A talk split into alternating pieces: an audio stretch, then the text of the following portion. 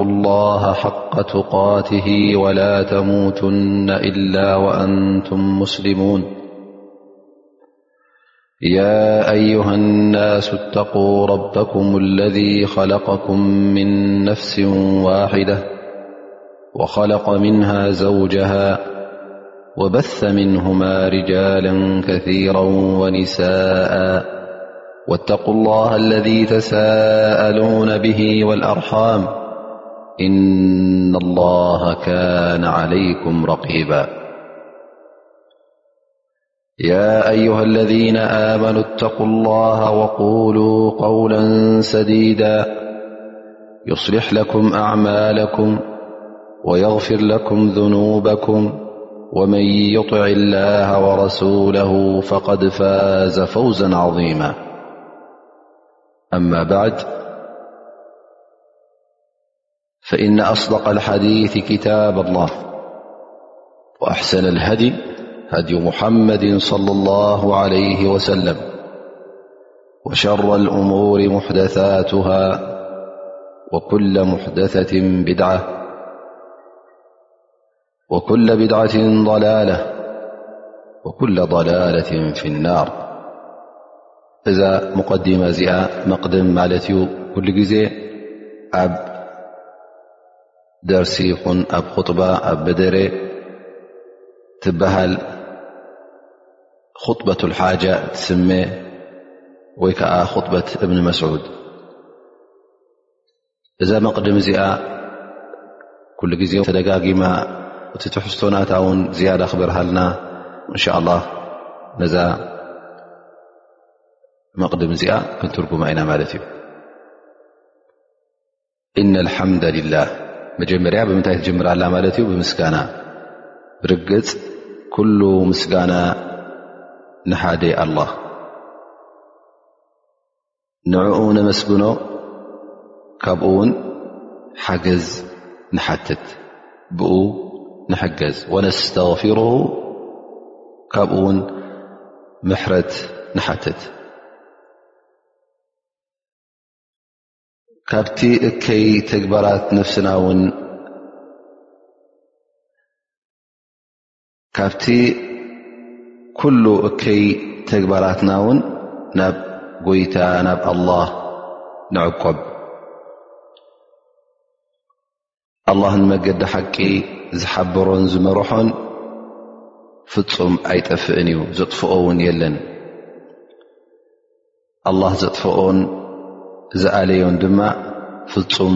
ናብ መገዲ ሓቂ ዝመርሖ የለን እቲ ኣላ ንሱ ብሓቂ ሓደ ኣምልኾ ዝግብኦ ከም ምዃኑ በይኑ ሽርካ ዘይብሉ ተዳራጊ ዘይብሉ ከም ምዃኑ ተምስክር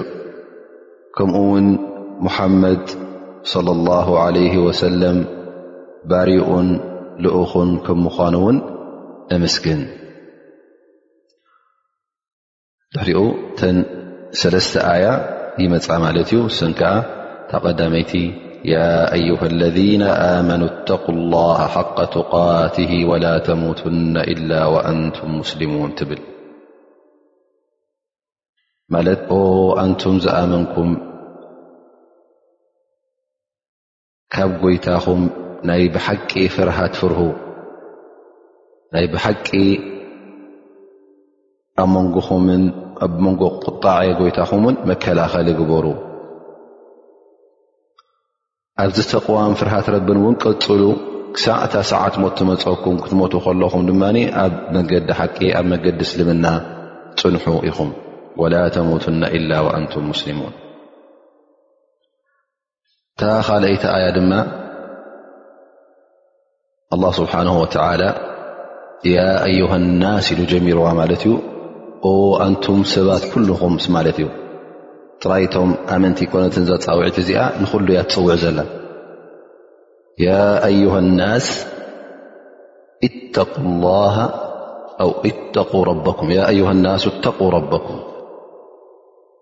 ጎይታኹም ካብኡ ፍርሁ እቲ ዝኸለቀኩም እቲ ዝፈጠረኩም ካብ ሓንቲ ነፍሲ ማለት ካብ ኩላህና ካብ መና ካብ ኣደም ዓለ ሰላም ካብ ሓንቲ ነፍሲ ተኸሊቕና ወኸለቀ ምንሃ ዘውጀሃ ካብዛ ነፍሲ እዚኣ እውን እታ ፅምዳ ዝኸለቀላ ዘውጅ ማለት ፅምዲ ማለት እዩ ካልኣይካ ማለት እዩ ፈነኣደም ዓለ ሰላም ካብ ጎኑ ካብኡ ሰበይቱ ፈጢሩሉ ማለት እዩ ብድሕሪኡ ወበሰ ምንሁማ ርጃለ ከራ ወኒሳء ብድሕሪኦም ድማ ንቲ ዘርኢ ሰብኡትን ደቂ ኣንስትዮን ደቂ ተባዕትዮን ተወሊዱ ማለት እዩ ላ ስብሓን ወተላ እቲ ዝኸለቀኩም ጎይታኹም ንዕኡ ፍርህዎ ካብኡ ተጠንቀቑ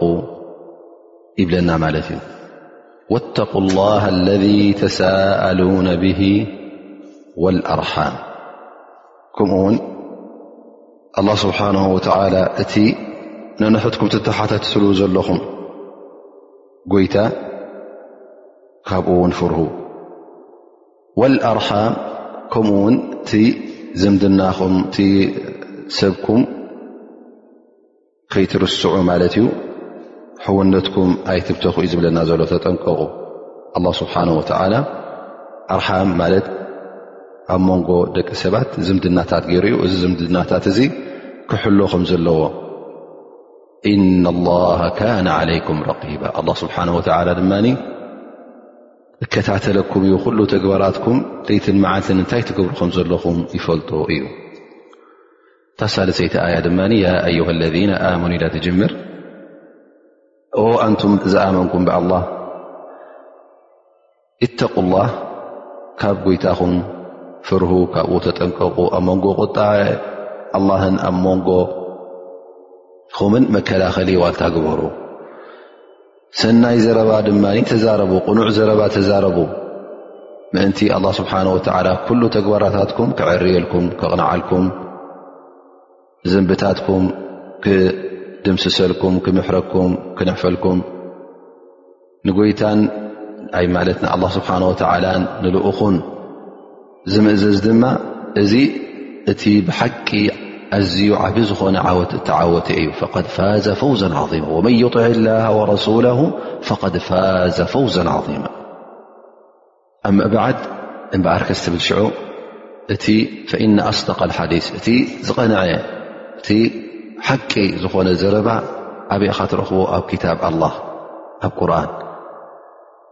እቲ ዝበለፀ ሃዲ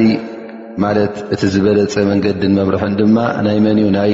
ሙሓመድ ለ ላ ለ ወሰለም መምርሒ እቲ ዝኸፍአ ነገር ከዓ ኣብ ዲን ኣልእስላም ኣብቲ ዲንካ ሕደሳ ክትገብር ዘየድሊ ኣላ ስብሓን ወላ ዘይበሎ ነቢና ሓመድ ለ ላ ለ ሰለም ዘይበልዎ ኣብቲ ዲን ባዕልኻ ሕደሳ ጌርካ ከተምፅእ እዚ እውን ጌጋ እዩ ወኩሉ ሙሕደሰትን ቢድዓ ሕደሳ ኣብ ዲን እውን ኣብ ሃይማኖትካ ከደሳ ሓድሽ ነገር ከተእቱ እዚ ቢድዓ ይስመ እቲ ቢድዓ ድማ ኩሉ ቢድዓ ድማ ዝኾነት ቢድዓ ትበሃል ጥፍኣት እያ ጥፍኣት እንተ ደኣ ኮይኑ ድማ ናበይ ዝመርሓካ ናብ እሳት እዩ ዝመርሓካ እዚ ዩ ናይዛ መቕድም እዚኣ ትርጉም እንሻ ላ ተረዲኣትኩም ክትከውን ተስፋ እገብር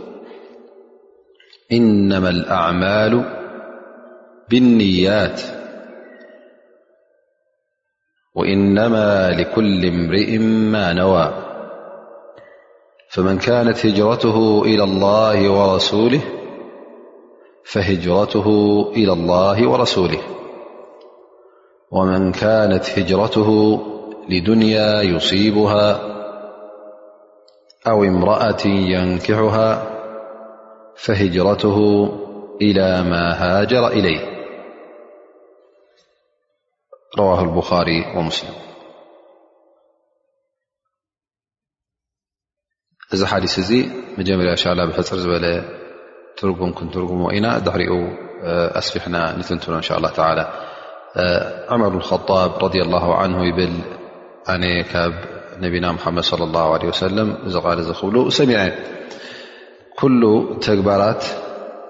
ብንያ ጥራይ እዩ ዝኸውን ንክሉ ወዲ ሰብ እውን እታ ዝነየታ እታ ዝኣመታ ጥራይ እዩ ዝረክብ ህጅራናቱ ማለት ፍልሰቱ ካብ ዓዲ ናብ ዓዲ ካብ መካ ንመዲና እቲ ግዜ ነቢና መድ ስ ሰለም ዝነበረ ማለት እዩ ሊላ ወረሱሊ እተ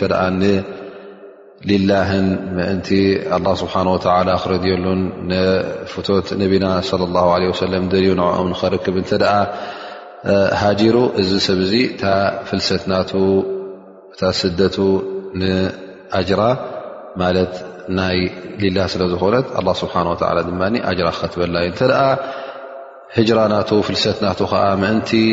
ንገለ ናይ ኣዱንያ ጥቕሚ ንክረክብ ኮይኑ ወይ እውን ሰበይቲ ደልዩ ንክምርዓዋ ሓሲቡ ናብኣ ካብ ዓዲ ናብ ዓዲ ዝኸደታ ፍልሰት ናቱ ከምታ ድልቱን ከምታ ንያ ናቱን እያ ተቁፀረሉ ማለት ናይ ኣዱንያ እተ ኮይና ናይ ኣራ ኣጅሪ የብላን እንተ ናይ ኣራ ድልት ናይ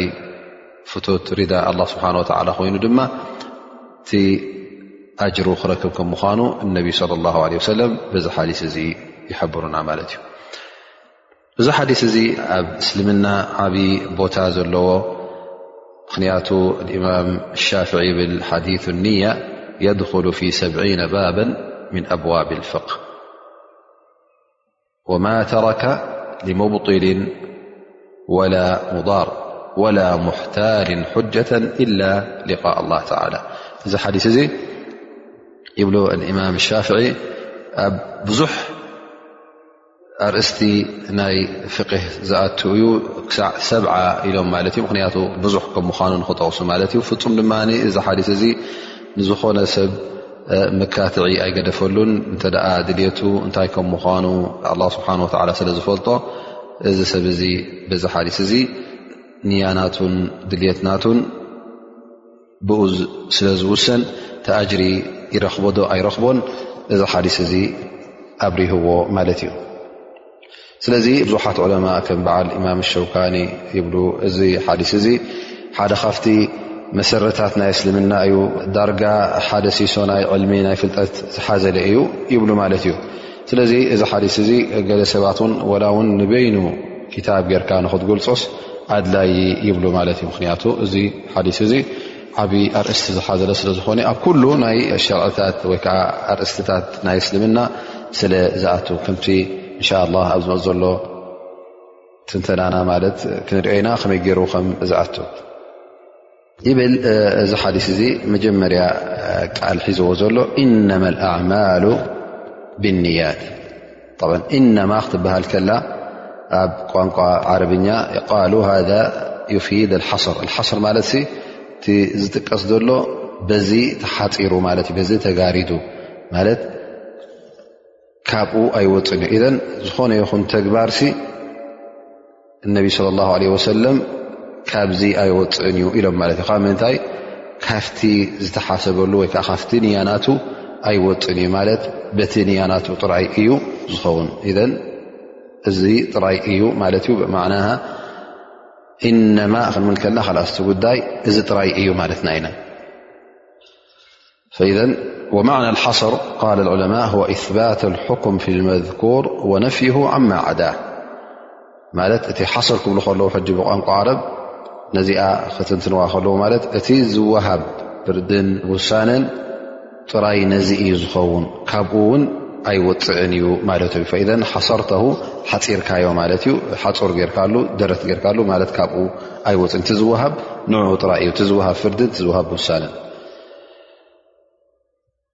እነመ ኣማል ክበሃል ከሎ ሕጂ ኩሉ ተግባራት ይኣትዎ ማለት እዩ ብኣካልካን ብመልሓስካን ብቓልካን እትብሎ ኩሉ ይኣ ማለት እዩ ጥራይ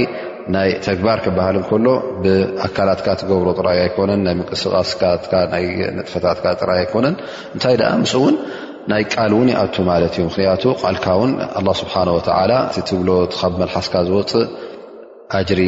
ስለ ዝኸትበሉ እንተ ጌጋ ኮይኑ ውን ዘንቢ ስለ ዝፅሓፈሉ እዘን ቃላውን ተግባራውን ኩሉ ዘማለአ ይኸውን ማለት እዩ ንሓደ ነገር ውን ክትገድፎ ከለካ ጥራይ ክትገብሮ ዘይኮነ ውን ክትገድፎ ከለካ ውን ኣብኡ ይኣቱ ማለት እዩ ክግደፍ እንከሎ ሓደ ነገር ኣብኡ ውን ይኣቱ ስለምንታይ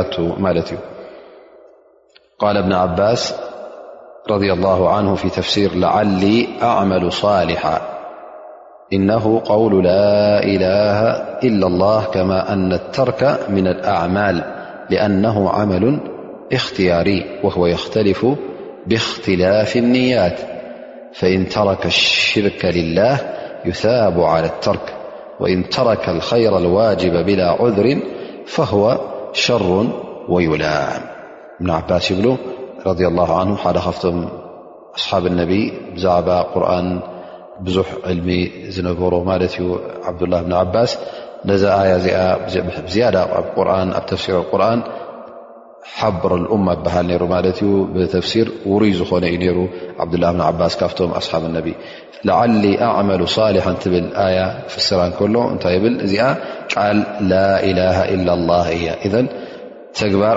ዓመል ቃል ከም ዝኣትዎ በሪሁልና ማለት እዩ ከምኡ ውን ይብል ዓብዱላ ብን ዓባስ ከመ ኣነ ተርከ ምና ኣማል እቲ ምግዳፍ እውን ተግባር እዩ ዝቁፅር ኣ ክትገድፎ ከለኻ ባዕልኻ ፈቲኻ መሪፅ ክኣ ክትገድፎ ዘለኻ ስለዚ ከምቲ ንያኻ ከምቲ ሓሳብካ ይኾነልካ ማለት እዩ ከምቲ ሓሲብካዮ ዝነበርካ እንተ ሽርክ ምስ ኣላ ስብሓን ወላ ሽርካ ምግባር ሌላ ኢልካ እተ ገዲፍካዮ ኣጅሪ ኣለካ ማለት እዩ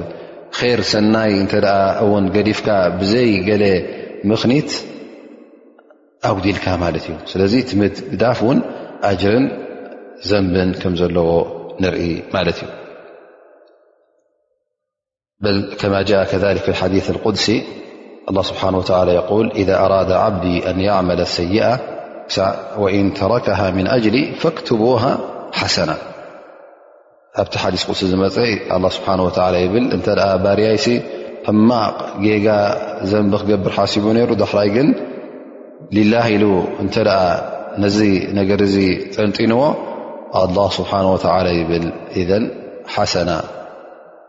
ኣጅሪ ክተብሉ ይብል ማለት እዩ ሕጂ እንታይ ገይሩ ሓንቲ ዝገበሩ ነገር የለን ተንቀሳቀሶ ነገር የለን ብኣካላቱ እነማ እንታይ ገይሩ ገዲፎ ነቲ ሸር ነቲ ሕማቕ ነቲ ጌጋ ሓሲቦ ዝነበረ ንረቢ ፈሪሁ ስለ ዝገደፎ ስለ ዘይገበሮ እዘን ኣላ ስብሓን ወተላ ሓሰና ክተብዋ ኢሉ ማለት እዩ ብ እነማ ኣማሉ ብንያት ክበሃል እንከሎ እውን እንታይ ማለትና ይብሉ ማዕናሃ ኣብዚ ሕጂ ዘይተጠቕሰ ነገር ኣሎ ማለት እዩ ኩሉ ተግባራት እኮ ጥራይ ብንያ እዩ ክብለና ከሎ እነቢ ስለ ላ ለ ወሰለም እንታይ ማለት እዩ እቲ ስሓት ኣዕማል እቲ ተግባርካ ቕኑዕ ንክኸውን ቅቡል ንክኸውን ኣብ ቅድሚ ኣላ ስብሓን ወተዓላ ብንያ ጥራይ እዩ ማለት እዩ እዘን ስሓት ኣዕማል እዚኣ እትውቲ ማለት እዩ እዘን እቲ ተግባርካ ቅቡል ንክኸውን ቕኑዕ ንክኸውን ኣብ ቅድሚ ኣላ ስብሓን ወተዓላ ብምንታይ እዩ ዝውሰን ብንያ እዩ ዝውሰን ምናልባሽ ሰኻ ፅቡቕ ስራሕ ትሰርሕ ትህሉ ግን ንያኻ ንር ኣይኮነን ንካልእ ሕማቕ ሓሳብ እተ ነሩ ኮይኑ ር ኣይቁፀርን እዩ ዳሕራይ እውን ነቢ ለ ላ ሰለም ኢሉ ወኢነማ ሊኩል ምርኢን ማነዋ እዘን ኩሉ ወዲ ሰብ ውን ዝኾነ ሰብ ውን ከምታ ዝነየታ እይ እንተ ደኣ ንፅቡቕ ነይቱ ነይሩ መነዋ ሸይአ ያሕስሉ ለ ሰዋء ዓሚለ ኣው መናዓ ን ማኒዑን ይዕደሩ ብሂ ንሰናይ ሓሲቡ ዝነበረ ኣላ ስብሓን ወተዓላ ኣጅሪ ክኸትበሉ እዩ ገይርዎ ወላ እውን ብሸሪዓዊ ምኽኒት ኣይግበሮ ኣላ ስብሓን ወተዓላ ኣጅሩ ኣይሕድጎን እዩ ኣይሕርሞን እዩ ምኽንያቱ ሓድሓደ ግዜ ብንያኻ ጥራይ ኣብኡ ከለካ እ ሓንቲ ነገር ንክትገብራ ሓሲብካ ሃቂንካ ኣሚትካ ነርካ ግን ገለ ቅፋት ኣጓኒፉካ ዕዝሪ ኣጓኒፉካ ኣላ ስብሓን ወተዓላ ከምዝገበርካ ይቆፅረልካ ማለት እዩ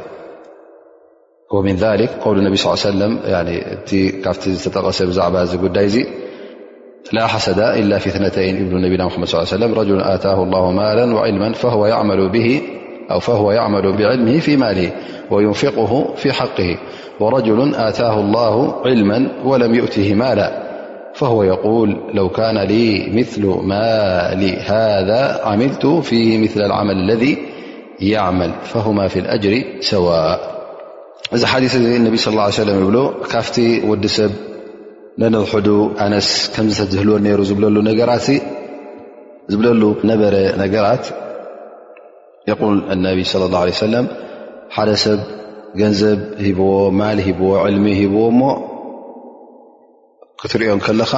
ንሱ ከዓ እቲ ዕልሚናቱን ገንዘብ ናቱ ናብ ር ከጥፍኦ ከሎ ክትሪኦ ከለኻ ሕጂ እንታይ ትብል ንስኻ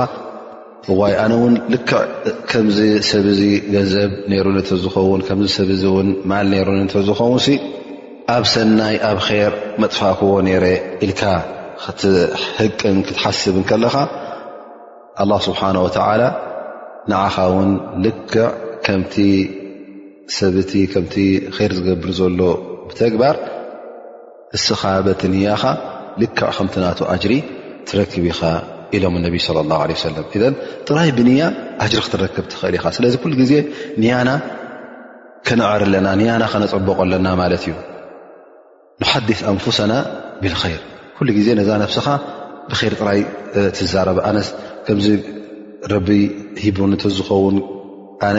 ከምዚ ከምዚ ዝኣመሰለ ኸይራት ገበርኩ ነረ እዚ እዚ እተረኪቡ ተዝኸው ኩሉ ሓሳብካ ጥራይ ንር ንምግባር ካብ እከይ ካብ ክፍኣት ንምርሓቅ ክኸውን ኣለዎ ማለት እዩ በዛ ሓሳብካ ጥራይ እውን ኣላ ስብሓን ወተዓላ እንታይ ገብረካ ኣጅርኻ ኣይሕርመካን እዩ ኣጅርታት ከትበልካ ከምቶም ዝሰርሑ ዘለዉ እውን ትረክብ ማለት እዩ ፈዘን ኩሉ ግዜ እቲ ተግባር ተቐባልነቱን ብልሽውነቱን ኣብ ምንታይ እዩ ዝረአ ኣብቲ ንያናትካ እዩ ዝረአ ማለት እዩ ጥራይቲ ተግባር ኣይኮነን ዋላ እውን ከይገበርካ ከለካ ስብሓን ላ እንታይ ትረክብ ኣጅር ትረክብ ኢኻ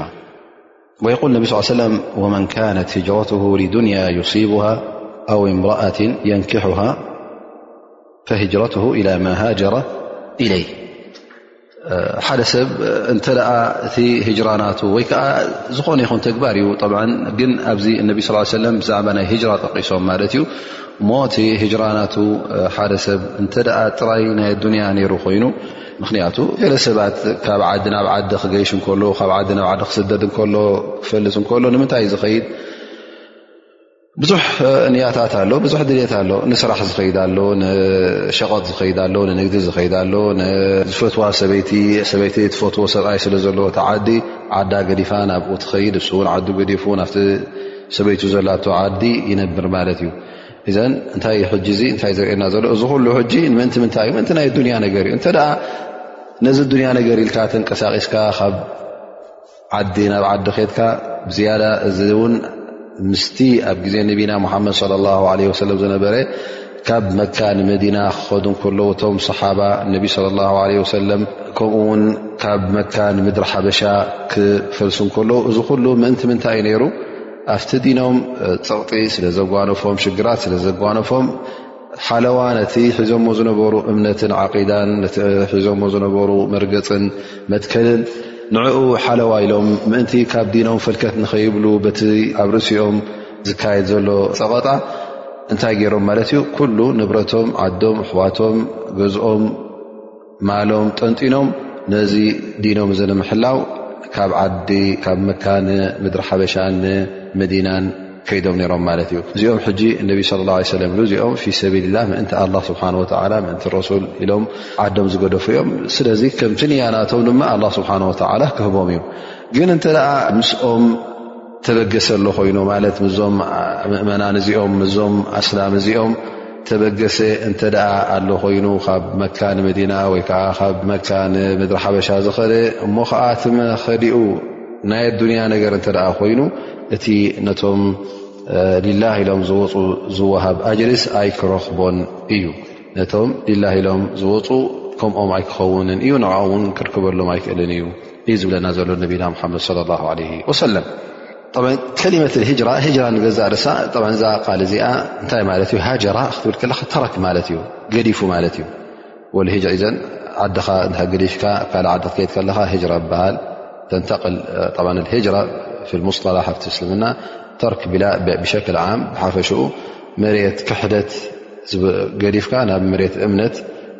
ክትከይድ ከለኻ ማለት እዩ እዚኣ ሂጅራ ትበሃል ማለት እዩ ሂጅራ ባቅያ ኢላ ዮም ያማ ሂጅራ እውን ቀፃሊ እዩ እቲ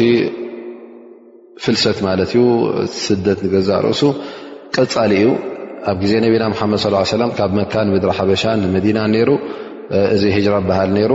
ሕጂ እውን እንተ ሓደ ሰብ ኣብቲ ዲኑ ኣብቲ ሃይማኖቱ እተ ፀቕጢ ኣለዎ ኮይኑ ነዚ ዲኑ እዚ ንክሕሉ ኢሉ ካብ መሬት ፅቕጠት ወይከዓ ካብ መሬት ክሕደት ናብ መሬት እምነት ንክኸይድ ቀፃሊ ማለት እዩ ክኸይድ ኣለዎ ክወፅእ ኣለዎ ምክንያቱ እታ ዲንካ ሰት ዓበካ ስለ ዝኾነት ንዓ እንተ ከሲርካ ኩሉ ስለ እትኸስር ክትሕልዋ ኣለካ ማለት እዩ እዘን ፈትንያናካ ኩሉ ግዜ ንያ ናይ ር ክኸውን ኣለዎ ንያ ናይ ዲንካ ክኸውን ኣለዎ ዲንካ ንምሕላው ቀዳምነት ንዑ ክትገብር ኣለካ ናይ ኣዱንያ ነገር ዳሕራይ ክተርክበሉ ትኽእል ኢኻ ላ ስብሓን ወተላ ርፅእኻ ውን ክህበካ እዩ ኣብ ዘለኻ ሃሊኻ ስለዚ ቅድሚ ናይ ኣዱንያ ምሕሰብካስ እቲ ናይ ኣራ ትረኽቦ ኣጅሪ ንዕኡ ክትሓስብ ኣለካ ነቲ ዲንካ ሓለዋ ክትገብር ኣለካ ማለት እዩ ንያ ዑለማ ክጠቕስዋ ከሎ ንያ ክበሃል ከሎ ቃሉ ኣብ ክልተ ነገር ብክልተ ሸነኻት ከነብርሃ ንኽእል ይብሉ ማለት እዩ ወይ ከዓ ብክልተ ሸነኻት ተኣሳሰረት እያ ቀዳመይቲ ነገር ንያ ክትበሃል እንከላ ነቲ ተግባራት እትገብሮ ንኣምልኾት ኢልካ ንዒባዳ ኢልካ ዲኻ ትገብሮ ዘለኻ ወይስ መዓልታዊ ተግባርካ ስለ ዝኾነ ኢኻ ትገብሮ ዘለኻ ባህርያዊ ናይ ባህሪኻ ተግባር ኢልካ ዲኻ ትገብሮ ዘለኻስ ከም ልምዲ መጠን ወይስ ናይ ዒባዳ ከም ምኳኑ እትፈላለየሉ ማለት እዩ ንኣብነት ሓደ ሰብ ክበለ ክሰቲ ጨና ክልከ ብልዕ ንክገድፍ እዚ ነገራት እዚ ምናልባሽ ንክልተ ነገር ክኸውን ይኽእል እዩ ምናልባሽ ባህሪ ስለ ዝኾነ ወዲ ሰብ ብዘይ ብልዒ ይነብርን እዩ ጨና ደስ ሊልኳ ክትገበር ትኽእል ኢኻ ወይ ብልዒ ደስ ኣይበለካን ክትገድፎ ትኽእል ኢኻ እዘን ሕጂ እዚ ናይ ነፍስኻ ድልት ናይ ሻሃዋኻን ናይ ዊንታኻን እዩ ስለዚ እዚ ሕጂ ክትገብሮ ከለኻ ኣጅሪ ትረክበሉን ኢኻ ላኪን እንተ ደኣ ጨና ክትልከ ከለኻ ሱና ኮይኑ ተለኺኻ ኣብቲ ነቢ ስለ ላ ለ ወሰለም ጨና ዝልከይዎ ዝነበሩ ቀቅድሚ ሓጅ ጓሮም ድሕሪ ሓጅ መዶም ጠዋፍ ክኸዱ ከለዉ ኣብ ጅምዓት ኣብ ገደ ከምዝኣመሰለ እኩብ ቦታ ሱና ኢልካ እተ ገርካዮ ሕጂ ትጨናምልካይ ንገዛ ርእሱ በቲ ንያኻ ሕጂ ፈሊኻዮ ማለት ኢኻ እዚ ትገብሮ ዘለካ ጥራይ ናይ ልምድኻ ጥራይ ዘይኮነ እንታይ ደኣ ንዒባዳ ኢልካ ትገብሮ ከም ዘለኻ ብደ ክትበልዕ እንከለኻ እውን ሕጂ ንኣብነት ንበሎ ስሑር ክትበልዕ እንከለኻ ንኽትፀውም ኢልካ ክትበልዖ ከለኻን ሱቕ ኢልካ ድማ ደስ ኢሉካ በል ክትበላ ከለኻ በበይኑ እዩ ንፆም ኢልካ ንዒባዳ ኢልካ ነፍስኻ ክድልደለልካ ኢልካ ክትበላ ከለኻ ነፍስኻ ክተረልካ ኢልካ ዳሕራይ እውን ተሪርካ ነፍስኻ ኣብ ዒባዳ ኣምልኾት ኣላ ስብሓን ወተላ ብግቡእ ንኽትፍፅም ኢልካ እተ በሊዕካ እዚ ሕጂ ኣጅር ኣለዎ ማለት እዩ ጥራይ ናይ ነፍስኻ ናይ ድልትካ ናይ ውንታኻ ሻሃዋይ ኮንካን ተብል ዘለኻ ነብስኻ ምሕፃብ ንገዛእ ርእሱ ሕጂ እታይ ንምንታይ ትሕፀብ ነብስ ሙምክን ንክትፀሪ ኢልካ ትሕፀብ ወይ ከዓ ሙቐት ረስኒ ኮይኑካ ኢልካ ትሕፀብ ወይ እውን ጀናባ ኣለካ ኮይኑ ወይከዓ መዓልቲ ጅምዓት ኮይኑ ትሕፀብ ማለት እዩ ሕጂ እቲ ክዝሕለካ ኢልካ ትገብሮን ወይ ከዓ ንነፍስኻ ንክፀር ኢልካ ኢልካ ትሕፀቦን እዚ ሕጂ ከም ዓዳ ከም ናይ ልምድኻ ስለ ዝኾነ ወዲሰብ ይሕፀብ ዩ ወዲሰብ ዋዕ ኮይንዎ ክሕፀብ ፈት ዩ እዚ ስለዝኾነ ሕጂ ኣጅሪ የብሉን ላኪን ጀናባ ኮንካ ስለ ዘለካ ንጀናባ ኢልካ ክትጠሃር ንፅሬት ኢልካ ትሓፂብካ ሕጂ ኣጅር ትር ኣለዎ ማለት እዩ ምክንያቱ እዚ ኣላ ስብሓን ወተላ ዝኣዘዘካ ስለ ዝኾነ ትእዛዝ ኣላ ስብሓን ወተላ ንክትዕግ ንኡ ኣኽብሮት ኢልካ ስለ ዝፈፀምካዮ ኣጅር ኣለዎ ማለት እዩ እዘን እዚ ዝፈላለዮ ጅምዓት ክትሕፀብ ከለካ ሱና ናይ ነቢ ሓመድ ስ ሰለ ኢልካ ክትሕፀብ ከለካ ፍሉይ ይኸውን ማለት እዩ እዚ ሕጂ ካብቲ ዝፈላለዩ ከምኡ እውን እንታይ ትፈላለየሉ ዓይነት ናይቲ ዕባዳ ናይቲ ኣምልኾ ትገብሮ እዘን ሰላት ክንሰግድ ከለና ሕጂ ክልተ ረክዓ ክትሰግድ ከለኻ ክልተ ረክዓ ምናልባሽ ሰላት ፈጅር ክኸውን ይኽእል እዩ ሱና ናይ ፈጅሪ ክኸውን ይኽእል እዩ ተሕየት መስጅድ ክኸውን ይኽእል እዩ ስለዚ ፈጅሪ መስጅድ እት ክለኻ ላዝም ክትፈል ኣለካ እቲ ንያኻ ሕጂ ብምንታይ ኢኻ ትፈልዮ ብንያ ዘን ረክዓትን ስግደን ዘለኹ ሕየት መስጅድ ኢልካ ነይትካ ብልብኻ ሰግጅድ ማለት እዩ ወይ ውን ትሕየት መስጅድ ዘይኮነ ካልእ ትነይት ሱነት ፈጅር ኢልካ ውን ትሰግድ ወይ ጀማዓ ጀሚሮም ተ ፀኒሖምካ ውን ተክልካ ምስኦም ክትኣቱ ም ክትኣ ከለካ ትሕየት መስድ ኢልካ ክትኣ ይትኽእለን ኢኻ ወላ ሱነት ፈጅር ሱና ቀብሊ ልካ ኣይትሰግድ እንታይ ፈርዲ ሰጉዱ ስለዝፀንሑካ ሕጂ ብንያ ናይ ምታይ ካ ትኣቱ ማለት እዩ ብንያ ናይ ፈርዲ እዘ እንታይ ትፈላ ኣለካ ማለት እዩ እዚ ትገብሮ ዝሰርሖ ዘለካ ዕባዳ ተመሳሳለይ ዕባዳታት ስለ ዘሎ ሰላዋት ሕጂ ብዙሕ ዓይነት እዩ ዘሎ ሰላት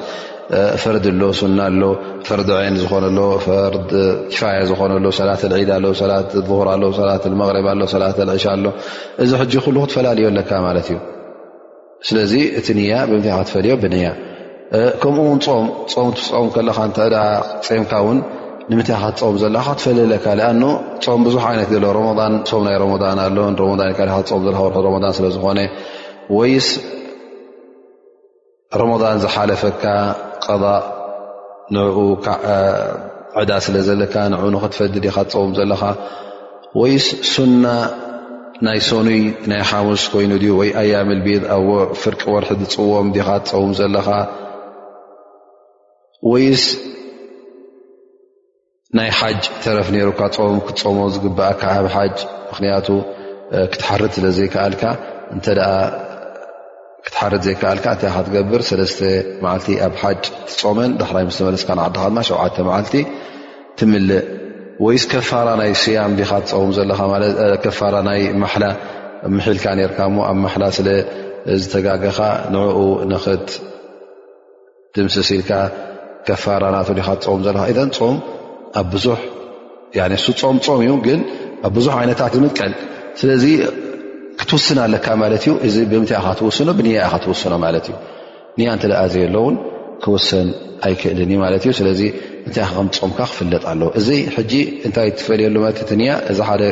ወጅሂ ዝረኣናዮ እዚ ሓደ ገፅ ምንታይ ይኸውን ማለት እዩ ኣብ መንጎቲ ሓደ ዓይነት ዝኾነ ዒባዳታት ንኡ ክትፈላለየሉ ማለት እዩ ፆም ናይ ምንታይ ፆም እዩ ላይምንታይ ሰላት እያ ትሰግደላ ማለት እዩ እይ እውን እንታይ ትፈላለየሉ ኢልና ማለት እዩ እቲ ኣምልኾት ኢልካ ትገብሮን ዒባዳ ኢልካ ትገብሮን ዓዳ ልምዲ ኢልካ ትገብሮን እውን ትፈላለዮ ማለት እዩ ምክንያቱ ንልምዲ ኢልካ ትገብሮ ኣጅሪ የብሉን ንዒባዳ ኢልካ ትገብሮ ንሱ ሓደ ስራሕ እዩ ግን ኣጅሪ ስለ ዘለዎ ካልይቲ ነጥቢ እውን ኣብ ምንታይ ኣላ ማለት እዩ ብዛዕባ ናይ ንያ ብንያ ድማ እንታይ ንፈሊ እቲ ትገብሮ ዘለኻ ትሰርሖ ዘለኻ ስራሕ ንመን ኢኻ ትገብሮ ዘለኻ ሰላት ክሰግድ እንከለኹ ንመን እየ ዝሰግድ ዘለኹ ስያም ክስዎ ከለኹ ንመን እየ ዝገብር ዘለኹ ሓቂ ክዛረብ ከለኹስ ንመን እየ ሓቂ ተዛሪበ ፈይደን እዚ እዩ ሕጂ ሃል ህዋ ላ ልላ ኢልካ ዲኻ ትገብሮ ዘለኻ ወይስ ካልኦት ምስኡ ሽርካ ትገብረሎም ኣለኻ ወይስ ካልእ ንያ ኣለካ ካልእ ጠለብ ኣለካ ወይስ ካልእ ሓሳብ ኣለካ እን እዚ መቅሱድ ፊ ማና ኣልእክላስ እቲ ንፅህና ናይ ልብኻ እዚ ነገር እዚ ክትገብሮ ከለኻ ንሊላ ኢልካ ክትገብሮ ከለኻ እዚ እቲ ዝጥለብ ማለት እዎ ንያ እዚ ዩ እሞ ምናልባሽ ንስኻ ሰናይ ተግባር ክትገብር ትኽእል ኢኻ ገንዘብ ከተውፅእ መስኪን ክትዕንግል ዘኽታም ከተሐጉስ ትኽእል ኢኻ ግን እንተ ንሰብ ክርእዩልካን ክሰምዑልካን እተ ኮይኑ እዚ ሕጂ ካልእ እዩ እንተ ሊላ ልካ ጌርካ ድማ ካልእ እዩ ማለት እዩ ብምንታይ ዝፈላለ ታ ስራሕ ሓንቲ እያ በትየን እያ ሊላ ልካ ክትገብራ ከለኻን ወይ ናይ ኣዱንያ መክሰብ ደሊኻ ኣብ ቅድሚ ሰብ ለጋሲ ክትበሃል ኣብ ቅድሚ ሰብ እዚ ሰብ እዚ ከምዚ ከምዚ ይገብር ይኹን ክትበሃል ኢልካ እንተ ኮይኑ እዚ ሕጂ ብምንታይ እዩ ዝፈላለ በታ ንያኻ ወኒያ መን ፈልጣ ዝፈልጣ የለን ብጀካ ኣላ ስብሓን ወተዓላ እስኻ ድማ ንትፈልጣ ማለት እዩ ምክንያቱ እስኻ ስለ ዝኾንካ በዓል ጉዳይ ስለዚ እታ ንያ ንገዛእ ርእሳ እንታይ እያ ነቲ ነገር እቲ ክትሓስቦ ከለኻ ብልብኻ ክትህቅነሉን ክትእምተሉን ከለኻ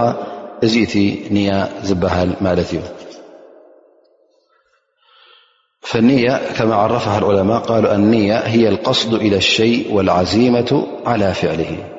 እዘን ንያ ክበሃል ከሎ ሓደ ነገር ሓሲብካ ክትገብሮ ከለኻ እሞ ከዓ ሃቀንካ ነዚ ኢለ የ ክገብሮ ምእንቲ ዚ ኢለ የ ክገብሮ ክትብል ከለኻ እዚ እቲ ንያ ዝበሃል ማለት እዩ እታ ንያ ድማ ቦታ ናታ ምንታይ እዩ ኣብ ልብኻ ንየቱ መሓልሃ ኣልቀልብ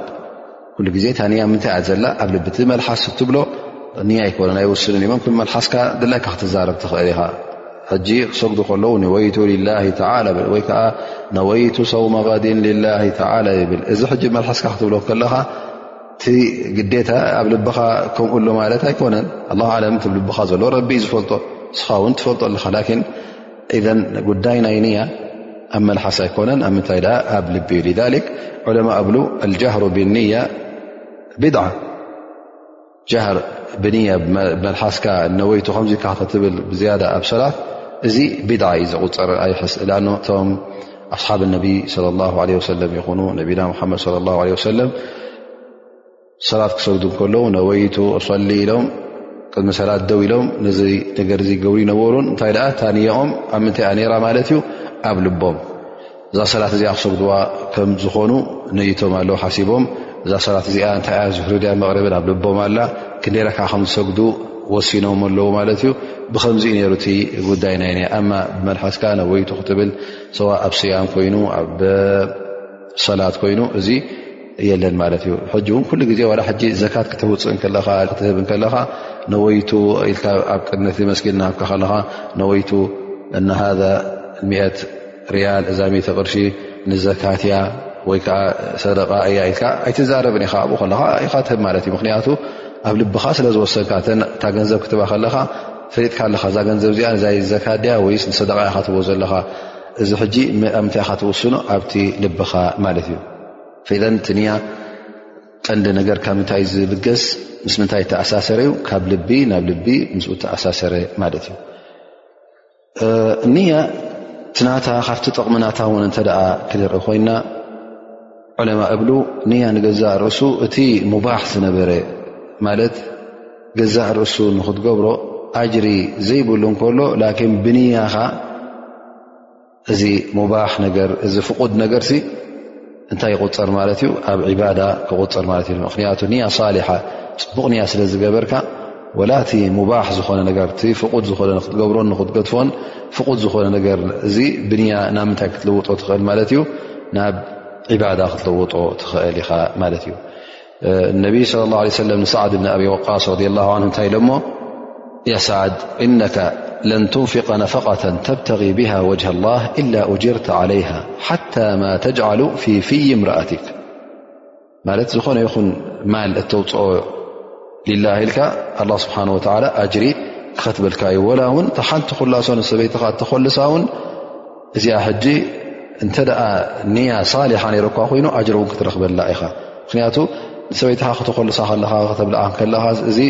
ናይ ፀወታን ናይ ፍቅርን ኣብ መንጎኹም ዘርኢ እዩ ዳኣ እምበር ካልእ ኣይኮነን ግን እሞ እዚ ትገብሮ ዘለካ ተግባር እዚ እንተ ንያኻ ሳልሕ ቅኑዕ ንያ እተ ኮይኑ እዛ ሰብ እዚኣ ሰበይተይ ስለዝኮነት እሞ ከዓ ክሐጉሳ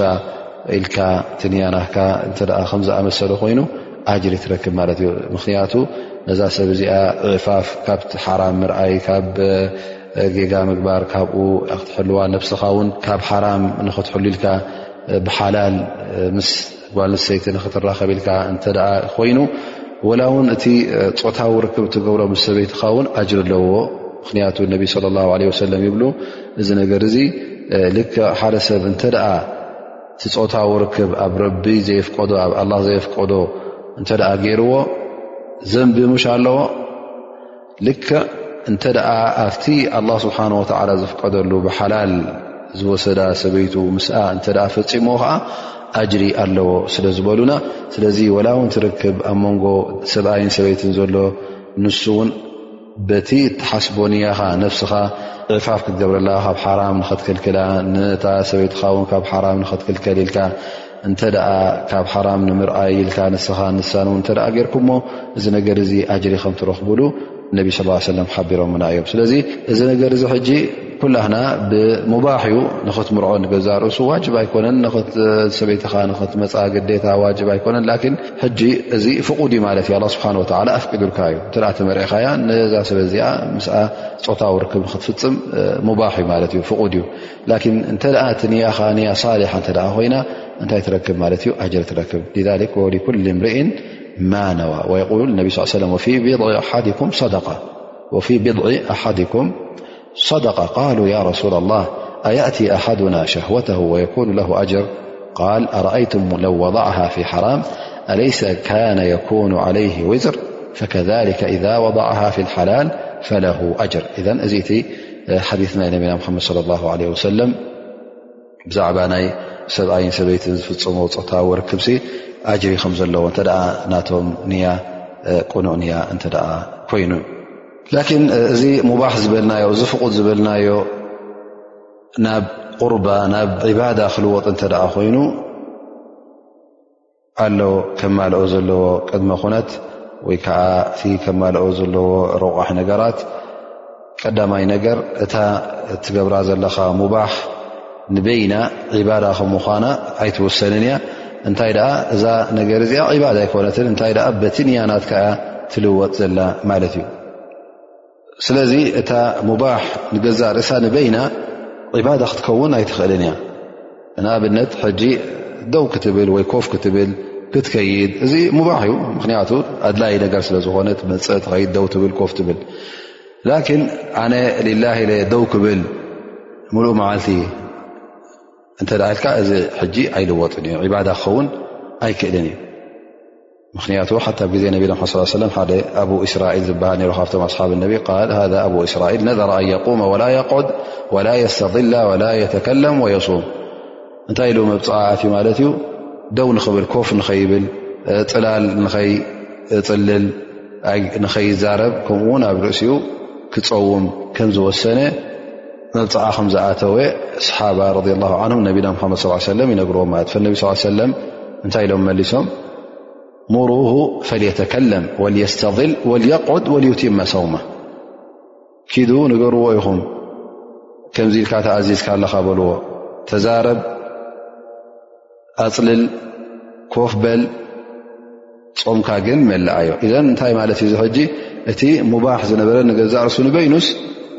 ዒባዳ ክኸውን ኣይክእልን እዩ እዚ ክንፈልጦ ኣለና ማለት እ ምክንያቱ ድሕሪ ሕጂ ዝኾነ ሙባሕ ነገርሲ ዒባዳ ገርና ንኸይ ንወስዶ እንታይ ደኣ እቲ ሙባሕ ዝበልናዮ ናብ ዕባዳ ዝሰጋገር እተ ኮይኑ ወሲላ ናይ ባዳ ናብ ዕባዳ ዘበፅሕ እተ ኮይኑ እዩ ደኣ እምበር እንተ ከምኡ ዘይኮነ ክልወጥ ኣይክእልን እዩ ንኣብነት እተ ሕጂ ሓደ ሰብ ማል ትጃራ ክገብር ወይ ከዓ ክነግድ ማል ገንዘብ ክኸስብ እዚ ሕጂ ሙባሕ እዩ ላኪን ሕጂ እዚ ንበይኑ ዕባዳ ክኸል ኣይክእልዩ ኢላ ወሲላ እንተ ገይሩ ኣነስ እዚ ማል እዚ ኸሲበ ናብ ጅሃድ ናብ ዘኽታም ምዕንጋል ናብ መሳኪን ምጥቃም ንህዝቢ ንምጥቃም ኢሉ እንተ ደኣ ነይትሉ ሕጂ እቲ ማልቲ ዝኸስቦ ዘሎ ዝሰርሖ ዘሎ እንታይ ይኸውን ማለት እዩ ዕባዳ ይኾነሉ ማለት እዩ ከምኡውን ወላ ትበልዖን ትሰትዮን ንሱ ዘይኮነ እንታይ ደኣ ንዒባዳ ንክሕግዘኒ እተ ዘይበለ ኣይመና ይብሉ ኣብ ዓድና እንተ ዘይበላዕካ ዘይሰተኻ ክትሰንፍ ኢኻ ከም ጉቡእ እውን እቲ ኣላ ስብሓን ወላ ዝኣዘዘካ ናይ ሰላት ኮይኑ ሰላት ሌል ኮይኑ ሰላት ናይ መዓልቲ ናይ ለይቲ ኮይኑ ካልእ ነገራት እውን ኣላ ስብሓን ወላ ዝእዘዘካ ከተጎድል ስለ ዝኾንካ ንዓኻ ዝኣክል ክትበልዕ ኣለካ ማለት እዩ እሞ እንተ እዚ ትበልዖ ዘለካ ብንያ ነቲ ባዳ ንክጠቕመካ ኢልካ እተ ጌርካዮ ኣጅሪ ትረክበሉ ማለት እዩ ከምኡውን ወላ ውን ትድቃስ ትድቃስ ትድቅሶ ከለኻ ሕጂ ቁርብ ኣዕሪፈ ምእንቲ ብዝያዳ ዳሕራይ ክትስእን ከለኹ ነሻቅ ገይረ ኣክቲቭ ኮይነ ክትስእ ኢልካ ፍሬሽ ኮይነ ክትስእ እሞ እቲ ባዳይ ክቕፅል እቲ ንሰብ ዝገብሮ ዝነበርኩ ረብሓ ንክቕፅል ኢልካ እተ ደቂስካ እታ ድቅሳ ዘለኻ እንታይ ትኸው ማለት እዩ ኣጅሪ ትክተበልካ ከም ባዳ ተቕፅለልካ ማለት እዩ ኣብ ርእሲኡ ነዚ ነገር እዚ ልክዕ ከም ፈርዲ ወይ ከዓ ከም ተሽሪዕ ኢላ ኣላ ስብሓን ወላ ከም ዝሸርዖ ጌርካ ክትወስዶ የብልካን በል እንታይ ደኣ እዚ ነገር እዚ ፍቁድ እዩ ኣላ ስብሓን ወላ ኣፍቂዱልካ እዩ ላኪን እዚ ሓላል እዚ እዚ ፍቁድ እዚስ ናብ ር ንኸብፅሓኒ ኢልካ ካትንይት ደኣ እምበር ንሱ ንበይኑ ከም ሸርዒ ኮይንካ ክትወስዶ የብልካን ማለት እቲ ሙባሕ እቲ ኣላ ስብሓ ዘፍቀዶ ከም ፍቁድ ጌርካ ክትሪኦ የብልካን ከም ዋጅብ ከም ሱና ጌርካ ክትሪኦ የብልካን ኢላ ጥራይ ከም ሙባሕ ኮይኑ ትሪኦ ግን ናብ ምንታይ ከብፅሓካ ናብ ዕባዳ ከብፅሓካ መጨረሻ ዓላ ኩልን ካብቲ ፈዋኢድ ናይ ዝሓዲስ እዚ ንወስዶ እቲ ንያ ንገዛ ርእሱ እቲ ምህቃን ይይ ንብሎ ወይከዓ እቲ ምእማት ሓደ ነገር ክትእምት ከለኻ ካብ ኢማን ተበገሰ ከም ምኳኑ ምክንያቱ ኢማን ካብ ምንታይ ትብገስ ብቐንዲ ካብ ልቢ ንያ ድማ ካብ ምንታይ እዩ ዝብገስ ወይ ከዓ ናይ ምንታይ ስራሓት እዩ ናይ ልቢ ስራሓት እዩ ስለዚ እቲ ኢማን ከምቲ ኣህል ሱና ወጀማ ዝብልዎ ዋ ተስዲق ብልጅናን ወኑጥق ብልሳን ዓመሉ ብልኣርካን እቲ ንያ ንገዛ ርሱ ዕለማ ክጠቕስ ከለዉ እንታይ ኢሎም ተስዲق ብልጅናን ብልብኻ ምእማን ማለት እዩ ዘንታ ንያ ድማ ካብ ምታይ ትምር ካብዚ እምነት እዚ ትጀምር ማለት እዩ ወኑጥق ብልሳን ብመልሓስካ ድማ ትነጥቆ ኣካላትካ ውን እትፍፅሞን እዩ ናይ ኢማን ጉዳይ ዘርኢ ከምኡ ውን እዚ ሓዲስ እዚ እቲ ካብቲ ዝሃበና ፋይዳታት እንታይ ኣሎ ማለት እዩ እ ዝኾነ ይኹን ኣስላማይሲ ዝኾነ ነገር ክፍፅም ክገብር ክሓስብ ከሎስ መጀመርያ እዚ ነገር ዚ ዝገብሮ ዘሎ ክፈልጥ ኣለዎ ሃል ኣላ ስብሓን ወተላ ዝሸርዖ ድዩ ኣይኮነን ኣብ ሸር እስልምና ኣሎ ድዩ የለን እንታይ እቲ ናቱ ደንቢ ሓራም ድዩ ሓላል ሙባሕ ድዩ ዋጅብ ድዩ ጥራይ ሓላል ሓራም ዘይኮነ ኣብ ርእሲ እውን ዋጅብ ድዩ ሱና ድዩ ክፈልጥ ኣለዎ ማለት እዩ ስለዚ እዚ ነገራት ክፈልጥ እንከሎ ሽዑ ታንያ ናቱ ንዒባዳ እዩ ዝገብር ዘሎ ወይስ ንዓዳ ናይ ዓዳ ድዩ ናይ ዕባዳ ክፈለየሉ ማለት እዩ ከምኡ ውን እዚ ሓዲስ እዚ ታንያ ቀንዲ ካብቲ ቅድሚ ኮነት ናይ ዝኾነ ይኹን ሰናይ ተግባራት ከም ምኳና ሸርጥ ልኣዕማል ወጣዓት ከም ምኳኑ ንሪኣ ማለት እዩ እተ ብዘይ ከዓ ብዘይ ንያ እንተ ተገይሩ ዝኾነ ይኹን ተግባር ወላ ውን ፅቡቕ ሰናይ ተግባር ይኹን ወላ ውንታ ሰላት ንገዛ ርእሳ ካብኣ ዝዓቢ የለን ፆም ካብኡ ዝዓቢ የለን ሓጅ ካብኡ ዝዓቢ የለን እንተ ቅኑዕ ንያ ዘይብሉ ኮይኑ ወይ ከዓ ዘይነየትካ እተ ኮይንካ ናብዚ ነገር ዚ ንክትኣቱ ነዚ ነገር ዚ ንክትፍፅም ኣጅሪ ኣይ ክኽተበካን እዩ ትገበርከያ ተግባር እውን ባጥል ክኸውን እዩ ማለት እዩ ስለዚ ታንያ ቦታ ናታ ዓባ እያ ቅድመ ኮነት ናይ ሰናይ ተግባር እያ እሞኒ ኩላህና ክንጥንቀቓላ ኣለና ማለት እዩ ከምቲ ዝበልናያ እውን ትንያና ቅኑዕ ንያ ክኸውን ኣለዎ ኣላ ስብሓን ወተላ ክፈትወልናን ኣላ ስብሓን ወተላ ክረድየልናን ምእንቱ ኢልና ክንገብር ኣለና ማለት እዩ ኣብ ርእሲኡ ድማ ነቲ ንገብሮ ዘለና እውን ክንፈልዮ ኣለና ማለት እዩ ናይ ዕባዳ ዲና ንገብሮ ዘለና ወይስ ናይ ዓዳ ናይ ልምዲ እሞ ከዓ ኣብ ርእሲኡ እውን እቲ ንገብሮ ዘለና ሱና ድዩ ፈርዲ ድዩ ክንደ እዩ ክንፈልዮ ኣለና ማለት እዩ ብእዚ ድማ ብምንታይ ዝኸውን ኩሉ በቲ ንያ በቲ ብልበኻ እትህቅኖን እትሓስቦን أقل قول هذا وأسأل الله سبحنه وتعلى أن ينفعنا بما سمعنا وأن يعلمنا ما ينفعنا وصلى الله على نبينا محمد وعلى له وصحبه وسلم